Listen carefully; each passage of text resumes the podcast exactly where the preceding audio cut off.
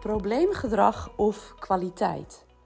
In deze aflevering wil ik mijn visie met je delen op probleemgedrag of gedragsstoornissen die uh, de laatste decennia enorm uh, ontwikkeld of ontstaan zijn.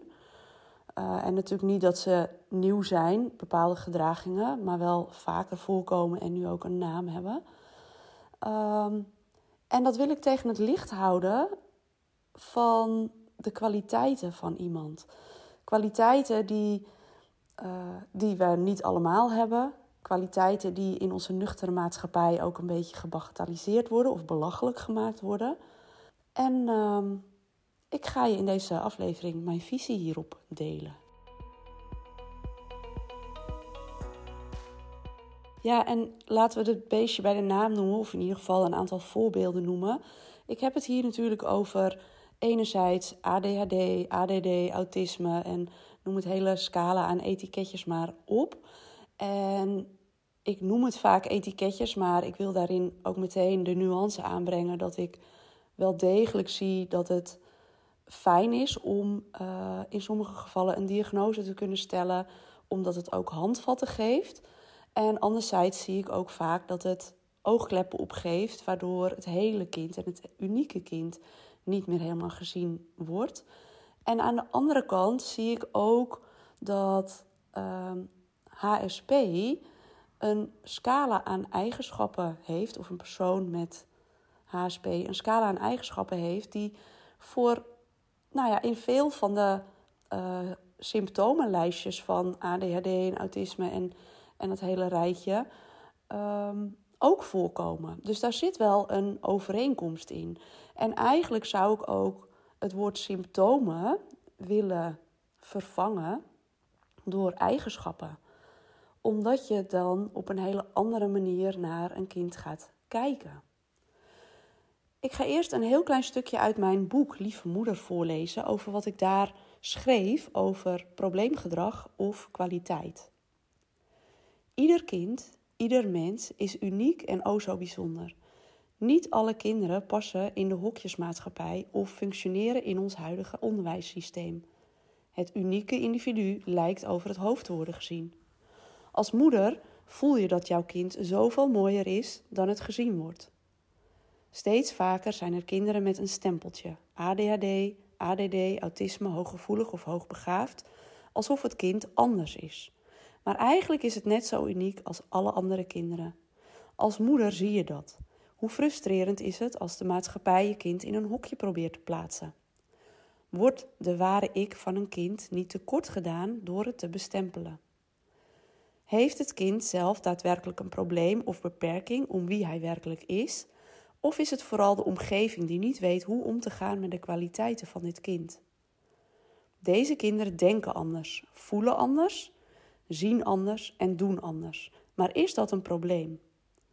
Vaak wordt het door de maatschappij en het onderwijssysteem als probleem gezien, terwijl dat de verkeerde ingang is, want het kind voelt zich minder en minder begrepen. Het kind voelt zich niet goed, niet goed genoeg, zoals het is. Vaak moet het kind zich aanpassen aan de verwachtingen die worden gesteld door omgeving, school en leeftijdsgenootjes, waardoor het kind emotionele of fysieke klachten kan gaan ontwikkelen en niet lekker in zijn vel zit. Aanpassingen aan de verwachtingen verwijdert een kind steeds verder van wat zijn hart hem ingeeft. Nou, en daar gaat natuurlijk nog een heel stuk door, maar ik ga niet het hele boek of het hele hoofdstuk voorlezen. Als je benieuwsgierig bent, dan uh, uh, kun je op lievemoeder.nl nog steeds mijn boek bestellen. Maar ik wil natuurlijk weer even terug naar het onderwerp van deze podcast. Wat ik zie en wat ik waar ik je bewust van wil maken, is dat we in onze maatschappij HSP en uh, hooggevoeligheid en spiritualiteit een beetje belachelijk maken in sommige gevallen. We denken al gauw aan uh, heksen en uh, heksenjurken, heksenbezems, nou ja, dat soort dingen. We maken het een beetje belachelijk omdat we het zelf niet altijd kennen. Of, en dan heb ik het over wij zelf als het gemiddelde of het gros van onze maatschappij. Maar dat is natuurlijk niet helemaal eerlijk. Dus ik wil graag dat je nadenkt over ehm, een gedragsstoornis versus um, hoogsensitiviteit of spiritualiteit. En wat ik zie bij pleegkinderen is dat ze allemaal getraumatiseerd zijn. Ehm, en daar, hoeven we natuurlijk, daar zijn we het snel over eens. Ze wonen niet voor niks, niet bij hun eigen ouders. Daar is het een en ander aan vooraf gegaan, waardoor ze in een pleeggezin terecht zijn gekomen. En wat ik daarin zie, is dat we kunnen allemaal die gevoeligheid en die spiritualiteit in onszelf uh, terugvinden en ontwikkelen en ons daarvoor openstellen. Maar wat er gebeurt op het moment dat een kind getraumatiseerd wordt of traumatische gebeurtenissen meemaakt, dat is eigenlijk een betere, betere bewoording, dat die poort naar die spiritualiteit geforceerd opengetrokken wordt. Waardoor een kind niet goed weet wat hij met die eigenschappen kan, waardoor het mogelijk ook in de war raakt of zelfs angststoornissen ontwikkelt. Dat is wat er in feite ook gebeurt als uh, jongeren drugs of drank in overmatige doseringen gebruiken, waarna uh, het bewustzijn eigenlijk geforceerd verruimd wordt, waardoor dat heel angstig is, want je voelt ineens veel meer. En je voelt niet alleen het leuke, maar ook het niet leuke veel intenser. Waardoor je dus angstig kunt worden en die angststoornissen of psychoses of uh, paniekaanvallen of wat dan ook, in welke vorm dan ook, kunt gaan ontwikkelen. Ehm, en bij jonge kinderen zie je dan datgene wat we ook wel ADHD of autisme of wat dan ook noemen, dat ze ja, ehm, op een andere manier voelen en op een andere manier denken, waardoor we niet meer helemaal goed begrijpen wat ze nou eigenlijk bedoelen of niet goed begrijpen waar ze mee worstelen of wat ze willen. En dat, dat is lastig. En omdat het lastig is, zijn we geneigd om dat als maatschappij als probleem te bestempelen, als probleemgedrag. En nogmaals, ik wil niet ontkennen dat er ADHD bestaat of dat er autisme bestaat. Maar waar ik je over na wil laten denken is dat er ook een andere mogelijkheid is. Ook een andere uh, manier van kijken is naar dit kind. Waardoor je je blik verruimt en gaat kijken van oké, maar wat zijn nou... Hoe ervaart het kind zijn emoties en zijn gevoelens? Waardoor je ook meer inlevingsvermogen krijgt en meer begrip voor het gedrag wat een kind vanuit daar vertoont. En dat je door er op deze manier een keer naar te kijken, mogelijk weer nieuwe handvatten krijgt om dit kind verder te helpen. Om dit kind zich uh, gezien te laten voelen en echt uh, begrepen kan laten voelen. En vanuit daar weer nieuwe stappen kunt zetten om dit kind te helpen om zijn gaven, en dat wil ik niet uh, in de hocus pocus trekken, maar dat een kind meer voelt of anders voelt dan, een, dan, dan het gros om zich heen. Of dat het anders de dingen beleeft of hele andere denkwijze heeft. Dat we dit als. Uh, nou, dat we dit ergens als een kwaliteit gaan zien. Oké, een kind is hier in bepaalde eigenschappen verder ontwikkeld dan andere kinderen. In plaats van dat we dat als het gedrag wat daaruit voorkomt gaat gaan bestempelen als symptomen van X, Y of Z. En nou, dat is, dat is waar ik je over na wil denken. En ik denk dat als we een kind zien om wie het werkelijk is en dat we een inlevingsvermogen, ondanks dat het, als je die, die gevoeligheid zelf niet hebt, dat je je een voorstelling probeert te maken hoe moeilijk dat ook is.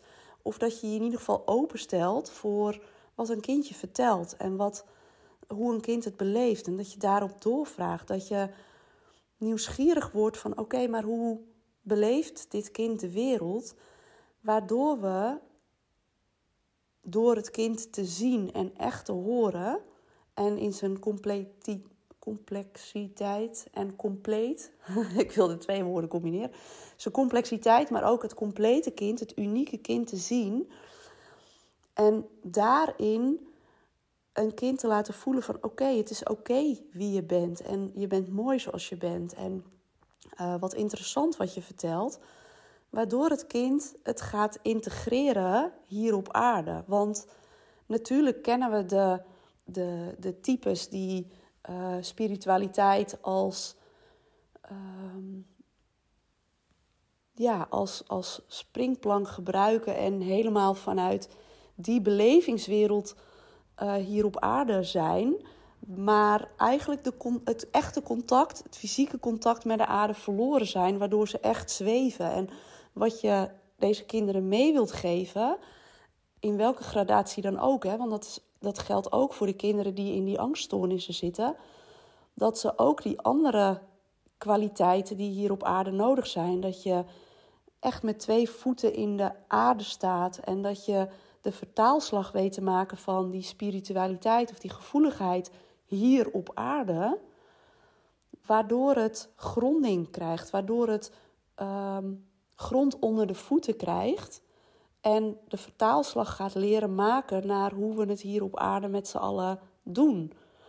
En hoe we het hier op aarde doen, dat is onder andere een onderwijssysteem die Ehm, nou ja, wellicht hier en daar wel wat vernieuwingen kan gebruiken.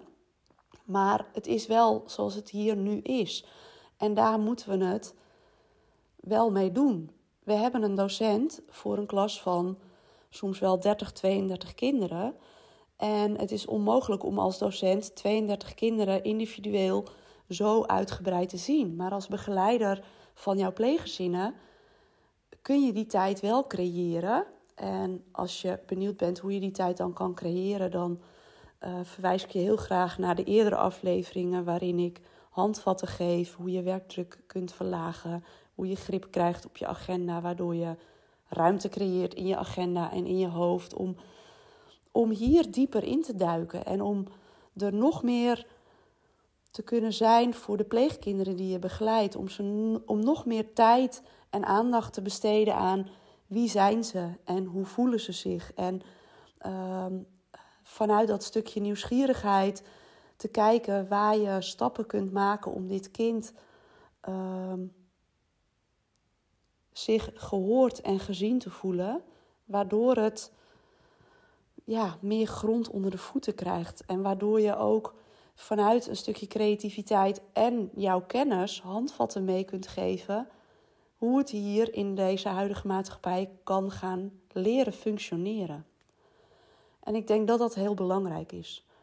En in een volgende aflevering zal ik ook zeker nog ingaan op de, uh, je ontwikkeling vanuit de dimensies, omdat ik uh, daarin ook weer net een andere, vanuit een andere invalshoek, of eigenlijk dezelfde invalshoek, maar andere bewoordingen, je kan meenemen in het thema wat ik in deze aflevering met je wil, uh, met je wil delen en mijn visie hierop met je wil delen. Het zou heel goed kunnen dat, hier, uh, dat er heel veel vragen zijn die deze aflevering in je oproept. Voel je heel hartelijk welkom om mij een berichtje te sturen. Dat kan via mijn LinkedIn-pagina. Kun je mij een uh, persoonlijk berichtje sturen, maar ook uh, op mijn e-mailadres en die deel ik hieronder in de show notes. Voel je welkom om, uh, om je vragen hierover te stellen, want ik beantwoord ze met heel veel liefde. En ik probeer de podcastafleveringen kort en bondig te houden, waardoor het voor jou behapbaar is, zodat je het met gemak in jouw drukke agenda kunt inroosteren tijdens bijvoorbeeld een autoritje uh, op weg naar een pleeggezin. Maar ik zou hier ook nog veel meer woorden aan kunnen geven. Dus mogelijk dat er daardoor ook vragen ontstaan van dingen die ik net niet benoemd heb of net anders zou kunnen bewoorden, zodat je hem wel kunt pakken. Ehm, dus voel je welkom. Voel je welkom en ik kijk heel erg uit naar, uh, naar je berichtje, naar je vragen, naar op- en aanmerkingen. Ehm, en als je jouw visie hierop wilt delen, dan hoor ik dat ook heel erg graag. Ik wens je een hele mooie dag met heel veel werkplezier en tot een volgende aflevering.